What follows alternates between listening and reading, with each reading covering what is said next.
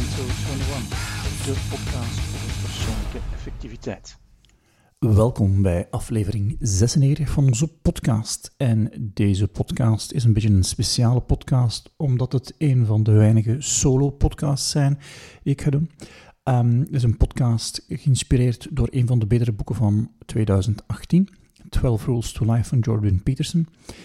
Um, Jordan Peterson kwam op mijn radar door de Sam Harris podcast. Wat had ik gedacht? Podcasten bezorgen mij informatie. Die podcast van Sam Harris noemt nu Making Sense, maar vroeger noemde die Waking Up. En Jordan Peterson is ook een, ja, toch wel uh, regelmatige gast bij Joe Rogan. Ik denk dat hij er nu vier afleveringen gemaakt heeft. Hij kreeg enige ruchtbaarheid door zijn onwil om mee te gaan in politieke correctheid. Um, zijn manier van dingen uitleggen spreekt mij uh, aan. En ik, ik, moet zeggen dat ik toch wel een aantal van zijn YouTube-films uh, bekeken heb. Soms zijn het lessen die hij gaf aan de universiteit, die hij liet opnemen en uploaden. Hij begon ermee in 2013 zijn lessen op te nemen en op zijn kanaal te zetten. Er zijn meer dan 1 miljoen trans, uh, subscribers op zijn kanaal. En um, vanaf 2016 had hij een professionele ploeg die dat voor hem deed. Um, hij laat zich ook sponsoren door het publiek. En zijn um, Patreon-page had een groot aantal supporters. En de funding die hij daardoor kreeg ging van 1000 euro per maand in augustus 2016 naar meer dan 50.000 dollar in juli 2017. Ondertussen heeft hij dat platform Patreon verlaten omdat Patreon een spreker van hun platform gooide om politieke reden. Een aantal anderen, onder andere Sam Harris en Ruben, deden hetzelfde.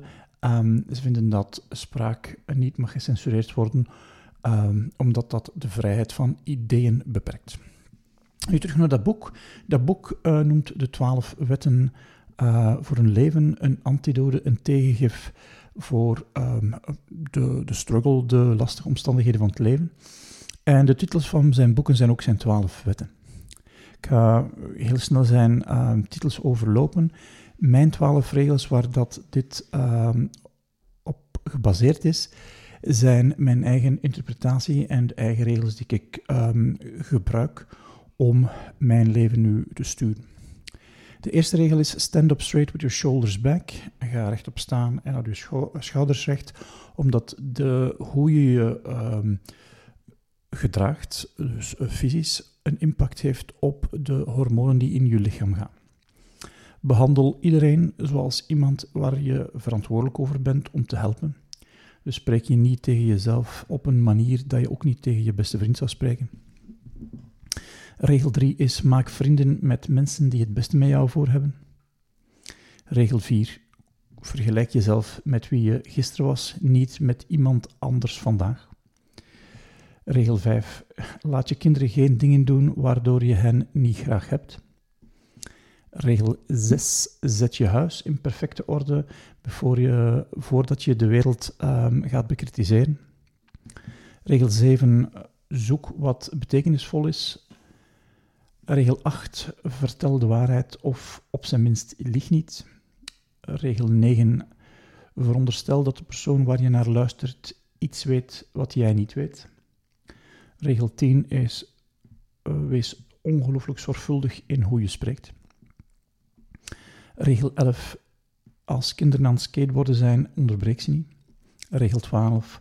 Als je een kat tegenkomt op straat, um, streel ze.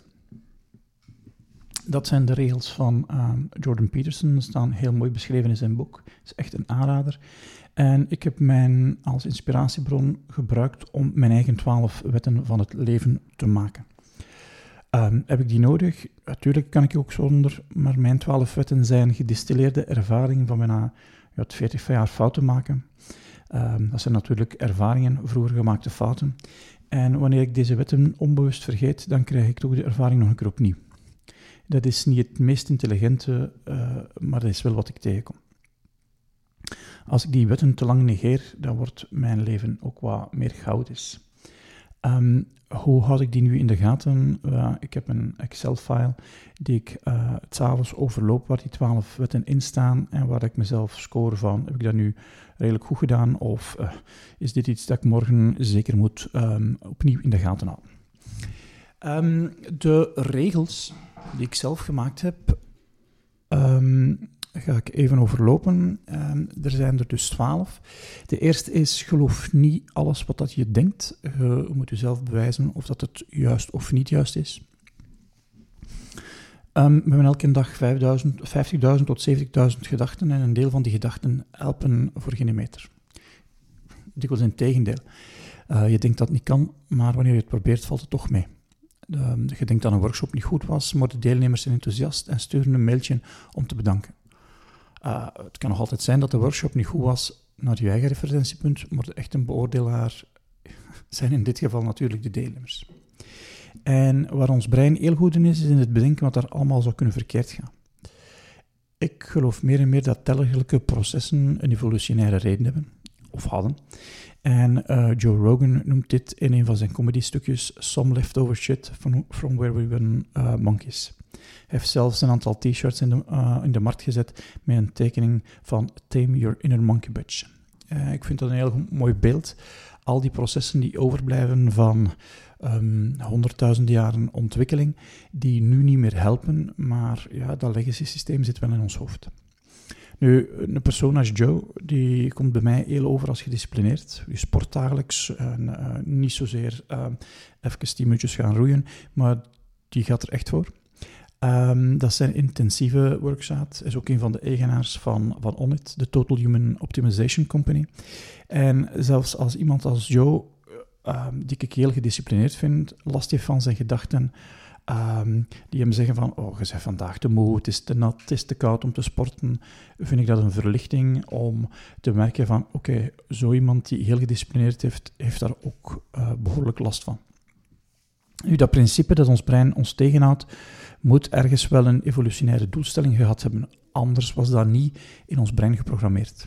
En in onze evolutie werden delen van ons brein geprogrammeerd om negatieve zaken te zien en ons dan menselijk brein uit te schakelen en dat monkey brain de baas te laten. En dat stukje dat het uitschakelt is die amygdala. Uh, dat stukje van ons brein dat wanneer dat we boos worden, ons bedreigd voelen, dat we ons door die patronen in ons zoogdierenbrein moeten laten beschermen. En dat was bijzonder bruikbaar wanneer de bedreiging je leven kon kosten. Um, en om de over, overleving van de soort te garanderen, werden die processen hard gecodeerd in ons brein. Um, onze amygdala beter africhten, meer mediteren, ademen, zorgen dat je meer mentale energie hebt, is een manier om de ketting van uw inner monkey bitch korter te houden. Je kan ook zorgen voor meer mentale energie wanneer je die oude programma's kan tegenhouden. Dus een heleboel zaken die we bedenken en ons zorgen over maken, die gebeuren niet. Maar je bedenkt het wel, het brein geeft het als, uh, brengt het onder je aandacht je allerlei gedachtepatronen kunnen in gang schieten. Um, maar je kunt dat testen. Je kan, je kan testen of dat waar is of niet waar is. En dat is een van de redenen waarom ik een experiment geworden ben. Dus uw mindset is te testen. Soms wordt het ook een groot mindset genoemd klopt het of klopt het niet? Je hebt een referentiepunt en je kijkt of dat referentiepunt um, heel hard vast ligt of dat je een ander referentiepunt moet maken.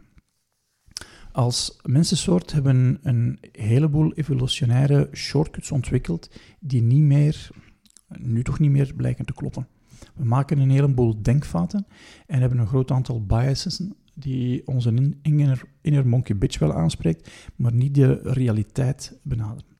En um, er is een heel mooi boek, dat is Don't Believe Everything You Think, worden er zes belangrijke denkfouten opgelijst. Als iemand anders een lijstje maakt, vind ik dat fantastisch, want dan moet ik het zelf niet maken.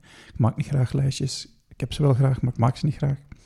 En dat lijstje is één, verhalen hebben meer belang dan statistiek. In ons brein zijn verhalen belangrijker dan statistiek. Ooit gefrustreerd geweest omdat je uh, in een presentatie de cijfers naar voren brengt en dat dan iemand met een, een belachelijk verhaal heel uw redenering uh, onder, onder, onder, ondermijnt. En dat dat eerder geloofd wordt dan de cijfers. Een tweede dat ons brein heel goed is, is we zoeken bevestiging van onze ideeën. We zoeken geen um, informatie om ze in vraag te stellen. Ons brein geeft ook weinig waarde aan het toeval. Dus zo'n uitdrukking, toeval bestaat niet, toeval bestaat dus wel, maar we geven er heel weinig waarde aan. Vier, hoe dat we de dingen zien, is niet altijd hoe dat ze zijn. Dikwijls niet hoe dat ze zijn. We hebben als vijfde punt de neiging om ons denken te vereenvoudigen. Daar maak ik mezelf ook gemakkelijk schuldig aan. Ik heb eenvoudige modelletjes nodig om die complexe wereld te begrijpen. En puntje 6, ons geheugen is niet zo betrouwbaar. Dus je kunt, tussen haakjes, niet altijd betrouwen op dat je denkt. Ik vind het dus bewijzen aan mezelf of dat mijn brein gelijk heeft of niet, een belangrijke om te doen. En die mental override wordt beter wanneer dat je het oefent.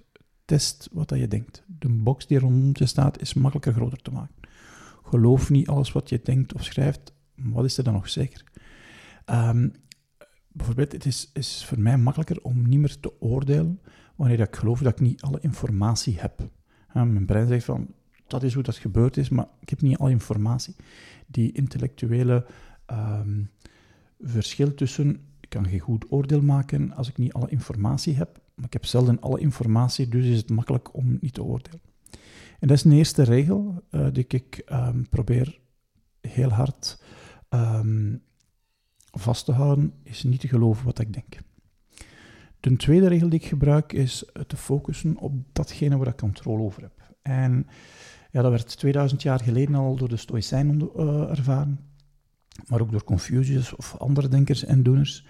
En um, de hoofdzaak voor de Stoïcijnen is heel eenvoudig: dingen identificeren en scheiden, zodanig dat je duidelijk tegen jezelf kan zeggen dat ofwel ze externe zijn en niet onder je controle staan, oftewel interne zijn en wel onder je controle staan.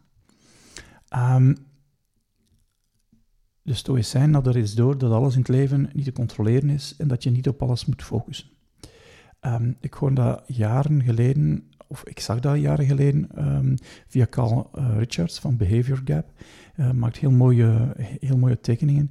En die tekening hangt hier in mijn kantoor. Dat is uh, twee cirkels die elkaar overlappen. En de ene cirkel is de dingen die belangrijk zijn. En een andere cirkel is de dingen die je kunt controleren. En op de overlap, daar is waar je moet op focussen. Um, waarom is dat voor mij goed om dat in de gaten te houden? Is omdat, omdat ik nogal gemakkelijk in de valtrap van mijn energie, mijn tijd te spenderen aan zaken waar ik toch geen controle over heb. Ik doe een presentatie en ik zou graag willen dat het publiek tevreden is. Ik doe heel hard mijn best, maar een aantal mensen zijn niet tevreden. Daarom moet ik deze wet goed herinneren, omdat ik anders teleurgesteld ga zijn. Ik heb mijn stinkende best gedaan, dus wat dat de anderen ervan vinden, dat lag niet meer onder mijn controle.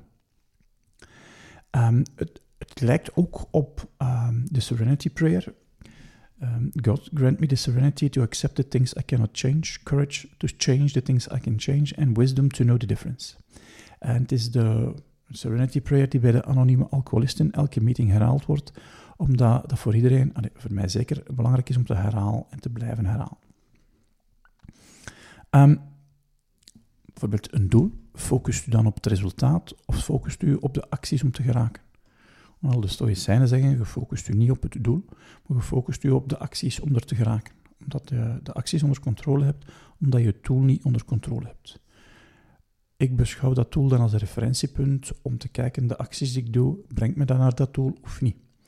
Het is een bijzondere moeilijke, omdat um, ja, dat doel reikt zo'n bestemming. En als ik niet focus op de acties, ga ik teleurgesteld zijn, omdat er altijd een gap is tussen waar ik nu ben en dat doel.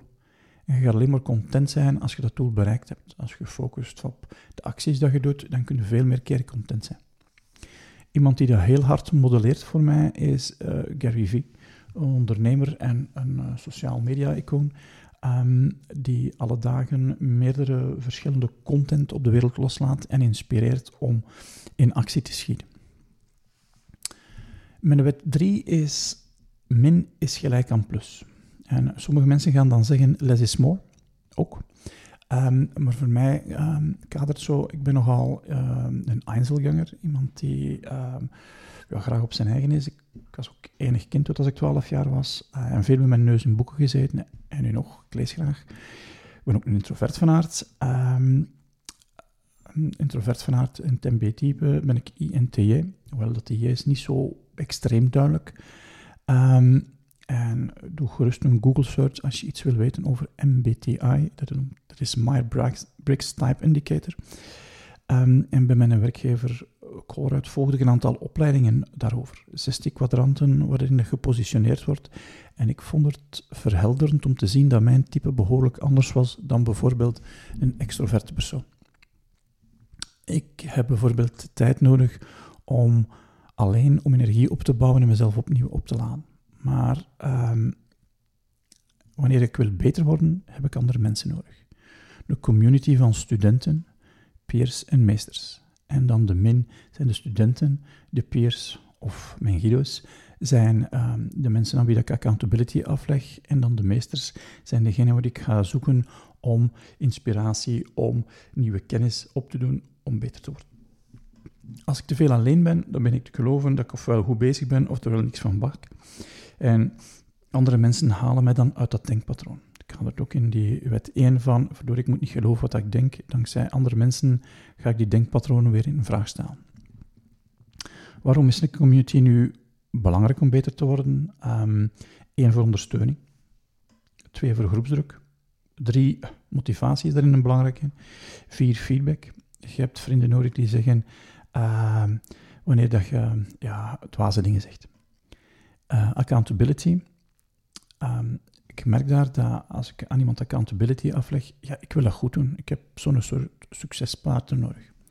En dan uh, zes, ja, ik heb ook andere mensen nodig, een, community nodig, voor wel zo, zowel uh, de negatieve als de positieve inspiratie. Want anders blijf ik op mezelf. Evolutionair is dat ook wel um, te verklaren, dat we als mensensoort uit noodzaak sociale wezens werden. We waren afhankelijk van samenwerking om ons vermogen te versterken, onze capaciteit te vergroten, om te overleven in barre omstandigheden. Um, en hoewel de overlevingsbedreigingen van uh, de wereld gelukkig afgenomen zijn, blijven die patronen nog altijd gelden. Dus als mensen hebben behoefte aan banden met anderen. Het is ook voor 99% onder ons moeilijk gewoon om nee te zeggen. We zijn dus sociale wezens. De ergste straf in de gevangenis is eenzame opsluiting. Stel je dat eens voor, je zit tussen moordenaars en verkrachters en je kunt, je, je kunt alleen veilig zitten, maar toch beschouwen we dat als de, sterkste, uh, als de ergste straf.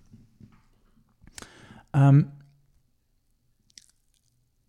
zo een mooie quote daarin is Picasso, die moet ooit gezegd hebben, het doel van het leven is het vinden van je gave voor deze wereld, de betekenis van het leven is deze gave weg te geven is hoe kan ik nu delen, hoe kan ik um, voor een deel van de community ook een master zijn, hoe kan ik um, inspiratie geven en niet alleen nemen. Mijn uh, vierde wet van het leven, uh, dat is embrace the struggle and enjoy the ride. Um, toen ik startte aan mijn ingenieurstudies, kwam er iemand op de openingsles vertellen, een goede ingenieur die moet luizen. Dat wil niet zeggen dat je niet moet graag werken, maar dan moet je zaken zoeken om het leven makkelijk te maken. En dat voelde een beetje als thuiskomen. Ik wil graag dat het leven makkelijk is. Toen ik startte bij Colruyt was mijn job om het leven van het in-house makkelijker te maken. En zo, ook soms ook van de eigenlijke klant. Werkvereenvoudiging. Dus ik ben altijd op zoek naar zaken die het makkelijk maken. Ik was ook bereid om van alles te testen die het makkelijk maken. Op zoek naar de shortcut. Opleidingen, jaartrajecten gevolgd um, die allemaal beloven dat het makkelijk ging worden. Um, ik geloof dat nu niet meer. Ik geloof niet meer in shortcuts. Um, ben ik dan mijn naïviteit kwijt? Ik denk niet. Ja, misschien wel, maar zeker wat betreft marketing ben ik mijn naïviteit kwijt. Marketeers maken alles naar de kloot. Uh, een aantal van die marketeers zeggen dat ook. Ze hebben het gemunt op onze aandacht en ze weten heel hoe, hoe onze inner monkey bitch werkt. Dat zoogdierenbrein weten ze behoorlijk goed. En um, dus het grappige is nu dat, dat ofwel ik moet zelf een betere marketeer worden of iemand moet aanwerven om extra tijd of onze teammanagement company te vergroten. Nu, ik geloof ook niet meer wanneer dat iemand met een droom verkoopt zonder dat er ook pijn bij komt kijken. Want om de volgende stap te zetten, moet je andere dingen doen. Per definitie niet je natuur. En als het niet je natuur is, betekent dat het geen gewoonte is. Um, zelfs de belofte, eenmaal een gewoonte wordt, wordt het makkelijk, geloof ik niet meer. Ik, ik merk dat met uh, baas zijn over mijn prioriteiten, dat gaat veel makkelijker dan vroeger. Maar dat gaat niet makkelijk. Het is niet dat dat geen moeite meer kost.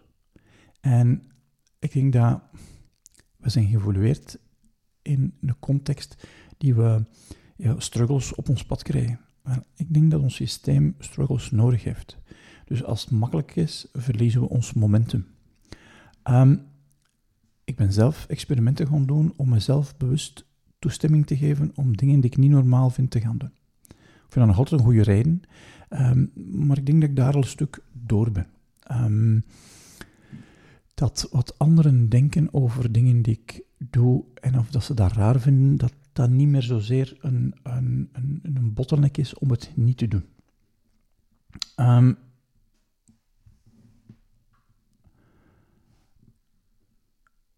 stel dat je nog nooit op een podium gestaan hebt voor 250 mensen, wat doet dat dan met u?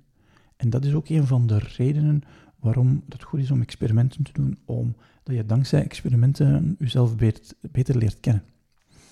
Um, een aantal jaren geleden ben ik de eerste keer gaan floten, om ook te weten van, wat doet dat nu met mij? Wat word ik dan gewaar? Wat vertelt dat over mij? Als je niet weet wat dat floten is, is je gaat liggen in een bad met erin veel magnesiumzout.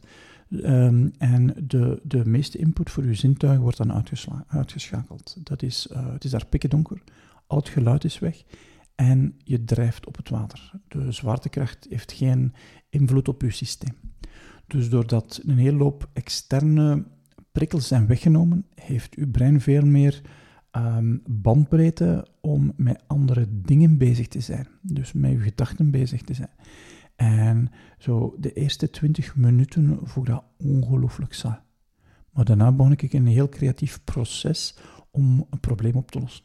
En het deed ook denken van, die saaiheid toelaten geeft wel voordeel. Dat is iets dat ik, dacht, uh, dat ik niet dacht zonder te ervaren.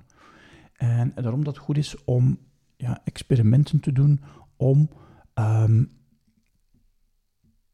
die struggle te embracen. Want ja, als je iets nog niet gedaan hebt, je weet niet wat je mocht verwachten, dat is onzeker, dat is elke keer een struggle. Um, voor mij een belangrijke om die struggle te embracen is um, dat als ik mijn slaap laat wegen, doordat ik alleen maar dingen doe die makkelijk zijn, is dat ik in mijn comfortzone terechtkom. En dat is een tijdje plezant en aangenaam, maar dan leidt het bij mij tot verlies aan momentum. En dan kom ik soort een apathische toestand. En dan kost het veel meer moeite om dat momentum weer in gang te krijgen, um, in plaats van het in gang te houden. En toch moet ik erop letten. Toch moet ik ervoor zorgen dat ik bewust moeilijke dingen ga doen. Regel 5 is zorgen voor een no-shit regel. En um, ik heb dat geleerd van mijn Outlook. In Outlook heb ik een regel die me helpt om met te beschermen tegen fouten die ik maak Um, en die ik dan echt wel weet van twee, minuten, twee seconden nadat ik ze gemaakt heb, dan, dan weet ik het. Uh, ik heb uh, een e-mail verstuurd en er was geen bijlage bij. Twee seconden nadat ik dat gedaan heb, dan weet ik het. En die regel, die een oh shit-regel, houdt een output, het verzenden van de mail, minstens 1 minuut en 1 seconde tegen. Ik ga dan naar mijn outbox, ik kan de fout herstellen. En je leert ook meer, omdat je dan onmiddellijk feedback krijgt waar je nog iets mee kunt doen. En je merkt dat ik veel minder dan vroeger bijlages gewoon vergeet. Hoewel dat ik een shit regel. En het is dus beschermen tegen mijn eigen aard, tegen mijn impulsieve aard, tegen precies de tweede persoon die in mijn hoofd zit en af en toe de touwtjes in handen heeft. Nu, um, het zou ook goed zijn om dat niet alleen in Outlook te hebben, maar in gans mijn leven te hebben. Um, zodat het effect, het resultaat van mijn, van mijn acties anderen of mijzelf niet schaadt. Of dat ik de schade die ik gemaakt heb toch kan herstellen. Een soort bewaring op je schouder die helpt om minder brokken te maken, die dan massa's tijd, energie en aandacht, ja, en soms ook centen kosten. Um, wanneer heb je zo een bewaringeltje nodig? Ik heb de indruk is wanneer dat je neocortex niet meer de basis is. Want dan volgen we patronen die in onze hersenen zijn opgeslagen, maar die niet gecreëerd zijn voor de omstandigheden waar we nu in leven. Um, ze kwaad en gereageerd impulsief. Er wordt op een of andere knopjes gedrukt. Um, als je in het leven bedreigd wordt, is dat een hele goede reflex.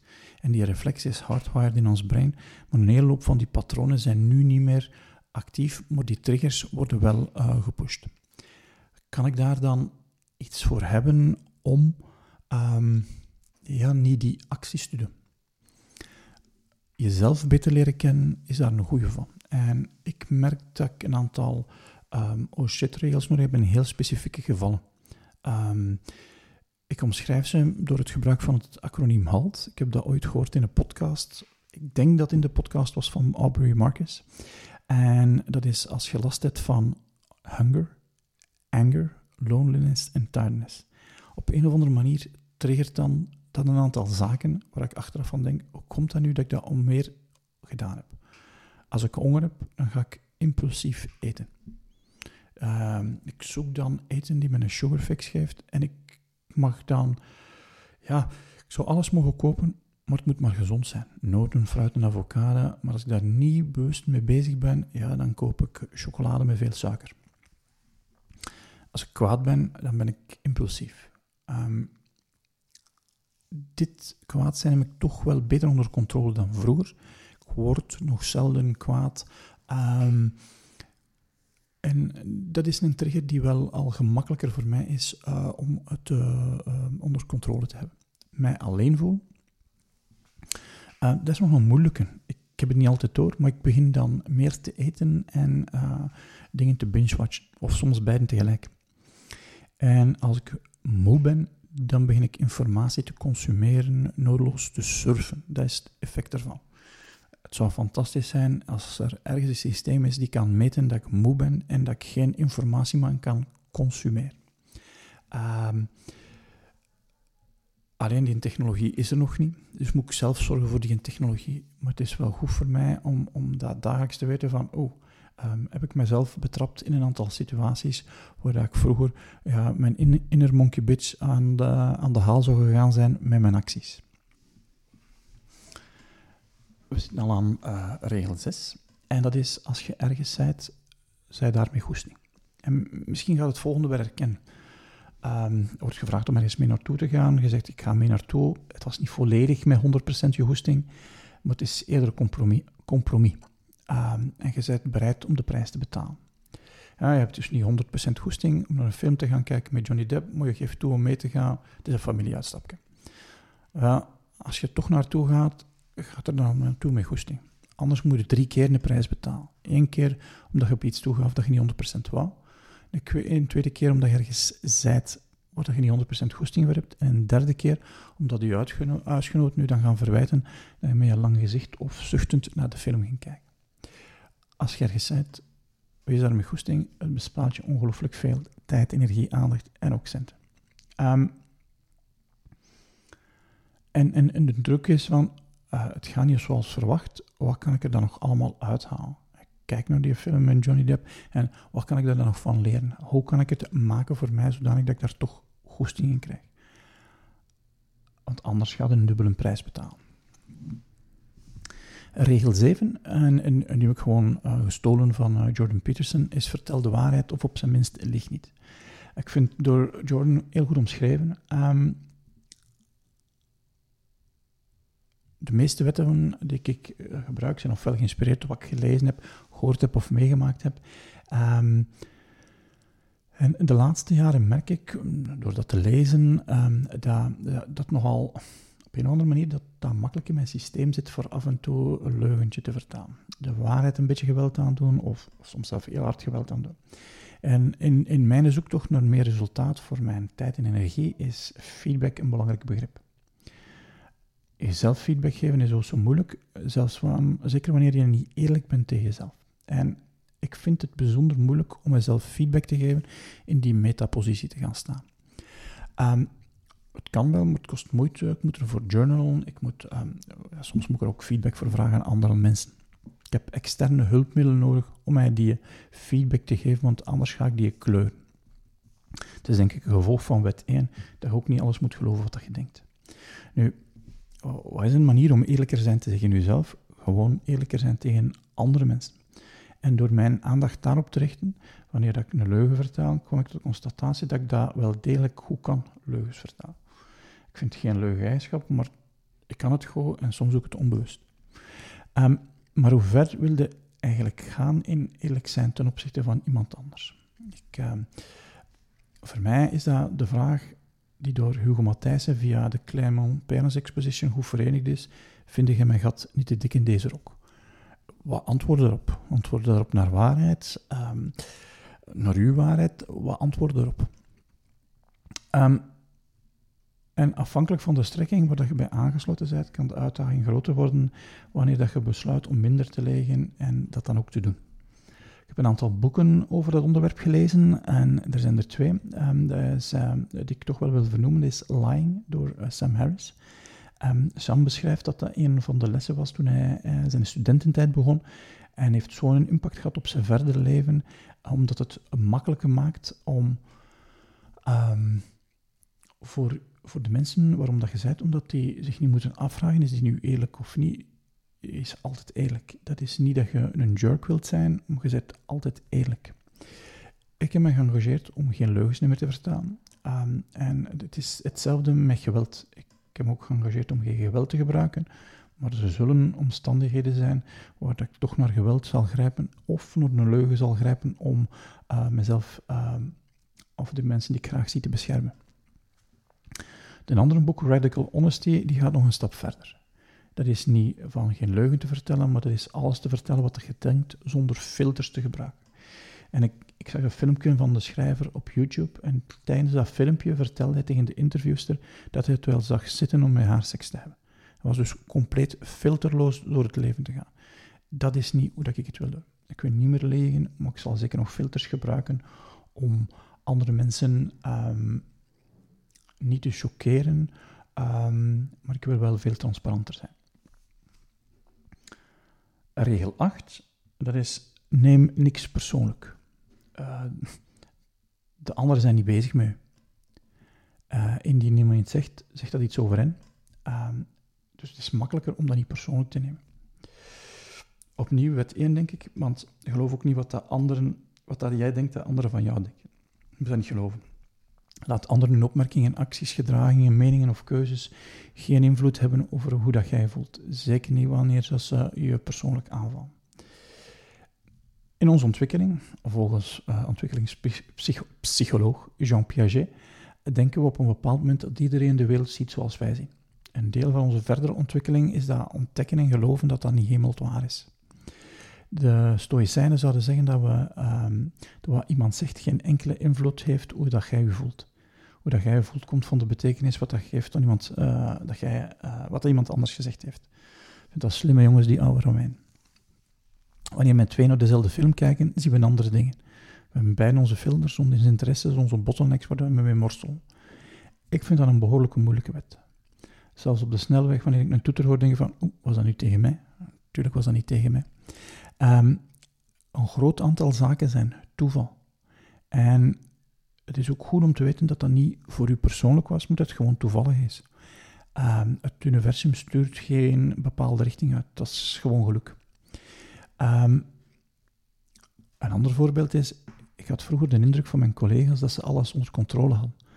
Tot mijn baas zei dat ik twee collega's moest meenemen naar een workshop, omdat ze een upgrade konden gebruiken. Daarnaast dacht ik dat mijn baas zou gezien hebben dat ik mijn controle kwijt was. Maar toen ik dat vertelde aan hem, vond hij dat het nog goed meeviel. Dus anderen zijn zelden met u bezig.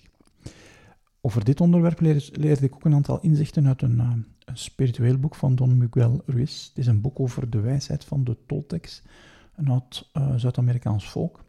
En wat aan mij beviel was een ondertitel van het boek, een persoonlijke gids voor persoonlijke vrijheid. Vrijheid was een van mijn belangrijkste drijfveren gedurende jaren. Ja, ja, inderdaad, was. Het is nu veel meer contentement. Stel ik word gevangen genomen, ik heb geen vrijheid meer, maar kan ik dan nog wel content zijn? Zou een behoorlijke uitdaging zijn, denk ik. Maar ik denk dat contentement voor mij nu een belangrijker is dan, dan vrijheid. En uit dat boek had ik een aantal uh, voor mij belangrijke inzichten. Als iemand tegen u ligt, pak het niet persoonlijk. Het is gewoon een teken dat ze bang zijn. Zelfs wanneer de hele wereld roddelt over jezelf, neem het niet persoonlijk en je zet immuun. Als iemand iets zegt en het triggert, is dat omdat je ergens akkoord waart met wat er gezegd werd. En niets wat anderen doen gaat over jou, maar het gaat over henzelf. En neem dus niks persoonlijk. Mijn wet 9 is doe dingen buiten de normaal. Mijn vorige werkgever die had een winstmarge die veel groter was dan bij de meeste retailers. Waarom? Omdat ze de meeste zaken anders deden dan de meeste retailers. Er was precies geen angst om dingen anders te doen dan andere bedrijven. Het kassasysteem ziet er anders uit dan bij andere retailers. Het poolsysteem waarmee logistiek de winkels bevoorraden zag er anders uit. En Einstein zei dat ook. Wanneer je hetzelfde blijft doen, krijg je dezelfde resultaat. Uh, het was zijn definitie van krankzinnigheid. Hetzelfde doen en toch hopen op uh, andere resultaten. Maar wanneer je hetzelfde doet als anderen, dan krijg je ook de resultaten van anderen. En, en op een of andere manier is er wel een zekere pull om normaal te zijn. Um, ik weet niet of dat jij ooit te horen krijgt, dat is normaal, maar dat heb ik dikwijls te horen gekregen. zeg ik, dat, dat is niet normaal wat dat je nu doet. Maar als je regel 8 volgt, pak het niet persoonlijk, trekt u daar niks van aan. Het zegt iets over hoe dat zij de wereld zien. Het zit niet in hun normaal. Nu, ik geloof dat alle fenomenen in de natuur een soort gauscurve zijn, een soort belcurve zijn. En um, dat komt uit het idee van um, sigma. En zes sigma is een, een, een onderdeel van continu verbeteren. Zes sigma zegt dat 99,9% van de gevallen liggen tussen het gemiddelde plus of min drie keer de standaardafwijking. Maar dat betekent dat zowel links als rechts in die curve dat er outliers zijn. Het is ten andere ook een geweldig boek van Malcolm Gladwell. En het zijn die uh, outliners omdat die interessant zijn omdat ze substantieel andere dingen doen. Wanneer het een freak of nature is, um, uh, we zijn niet allemaal gelijk, hè, twijfel ik steeds of ik moet herhalen wat ze doen. Maar wanneer het mensen zijn die aan de, van de linkerkant van de curve gestart zijn en nu aan de rechtercurve zitten, heeft dat twee voordelen. Die mensen kunnen goed uitleggen hoe dat ze het doen. Degenen die van nature aan de rechterkant zitten, kunnen zelden goed vertellen hoe dat ze het doen, omdat ze het van nature doen. En ze stellen zich daar geen vragen over.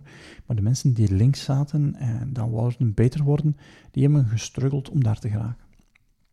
Deze niet-freaks of natures hebben de weg gevonden naar beter en ze doen dat substantieel iets anders dan degenen die nog links zitten. Maar ze deden ook iets substantieel anders dan wat ze zelf in het begin Dat uitvissen en leren van hun fouten uh, om die zelf niet opnieuw te maken, is denk ik goed gebruik van uw tijd en uw energie.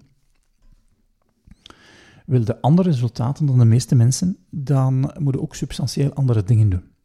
Dan moeten buiten de normaal van de maatschappij gaan staan. En dat wringt omdat we ja, ergens willen bijhoren. In ons brein is dat geprogrammeerd dat we om te overleven niet buiten de groep mogen gaan staan. Want dan worden de kansen om te overleven gewoon kleiner. Wil andere resultaten, dan moet je ook andere dingen doen dan degene die je nu doet. En dat betekent buiten de comfortzone gaan. Ja, en in, in mijn wereld betekent dat experimenten doen, dingen doen die ik nog nooit gedaan heb. Allemaal eerste keer. Regel 10 is voor mij dat ik mezelf moet aan herinneren dat energie en aandacht de meest belangrijke middelen zijn. Ja, 15 jaar geleden had ik het gezegd dat tijd was. Nu heb ik ondervonden dat als je geld op is, dan kan je nog altijd tijd maken. Ah, kan, kan je, ehm, en je hebt tijd, kun je nog altijd geld maken. Als je een tijd op is en je hebt geld, dan kan je het niet meenemen. Maar je kunt alleen maar geld maken als je energie en aandacht hebt. Dus zonder energie en aandacht kun je een tijd niet opvullen hoe dat jij zou willen. Daarom dat we ook niet meer in de time management business zitten, maar in de team management business zitten. We, we helpen u om beter om te gaan met je tijd, energie, aandacht en ook je centen. Er is een hele grote focus op energie en aandacht, omdat het de meest belangrijke middelen zijn. En als je een Google search doet, de meest wijze mensen hebben heel wat quotes over tijd. Een Google search of een Goodreads search, en dan ga je ongelooflijk veel quotes vinden over tijd. Je vindt er minder over energie en aandacht. Hoe komt dat? Ik denk dat het vroeger makkelijker was om tijd en aandacht gelijk te staan. Veel, ja, veel minder aandachtstelers dan nu. Hoewel, die oude Romeinen, die Stoïcijnen, spraken ook al over information overload, over keuzestress, over het houden van prioriteiten, hoe het dan moeilijk was, over het ons laten afleiden. Dus waarschijnlijk is er daar heel weinig nieuws onder de zon. Nu, wat kan ik allemaal doen om meer energie en aandacht te bekomen? zodanig dat ik op een slimme manier mijn tijd kan opvullen? Als je die vraag stelt, zijn het aantal oplossingen veel groter en veel diverser wanneer dat je de vraag stelt, hoe kan ik nu beter worden in mijn time management?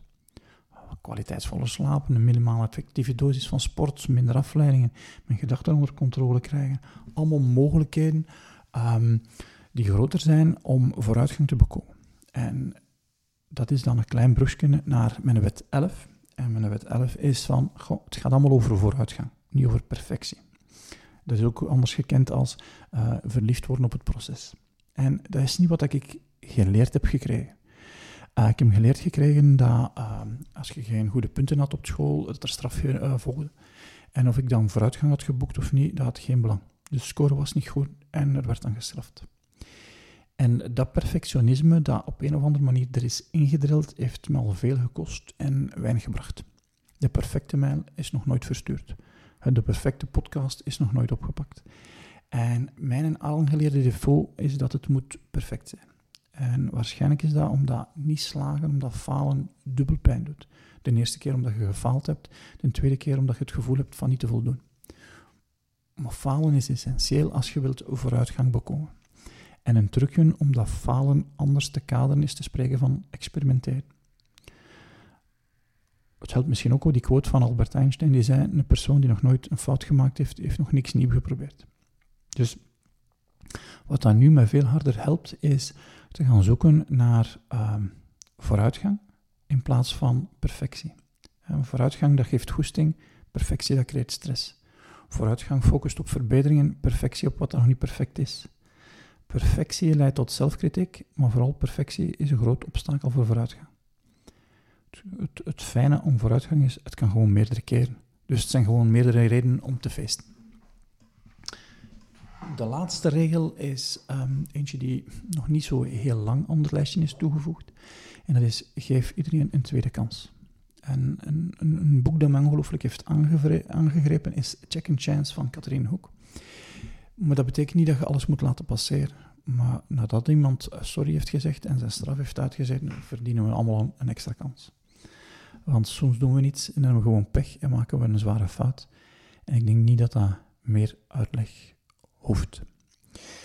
Dat zijn mijn twaalf regels. Ik ga ze nog even overlopen. Um, ik heb er ook um, een, een, beeld van gemaakt dat je kunt downloaden in um, de show notes.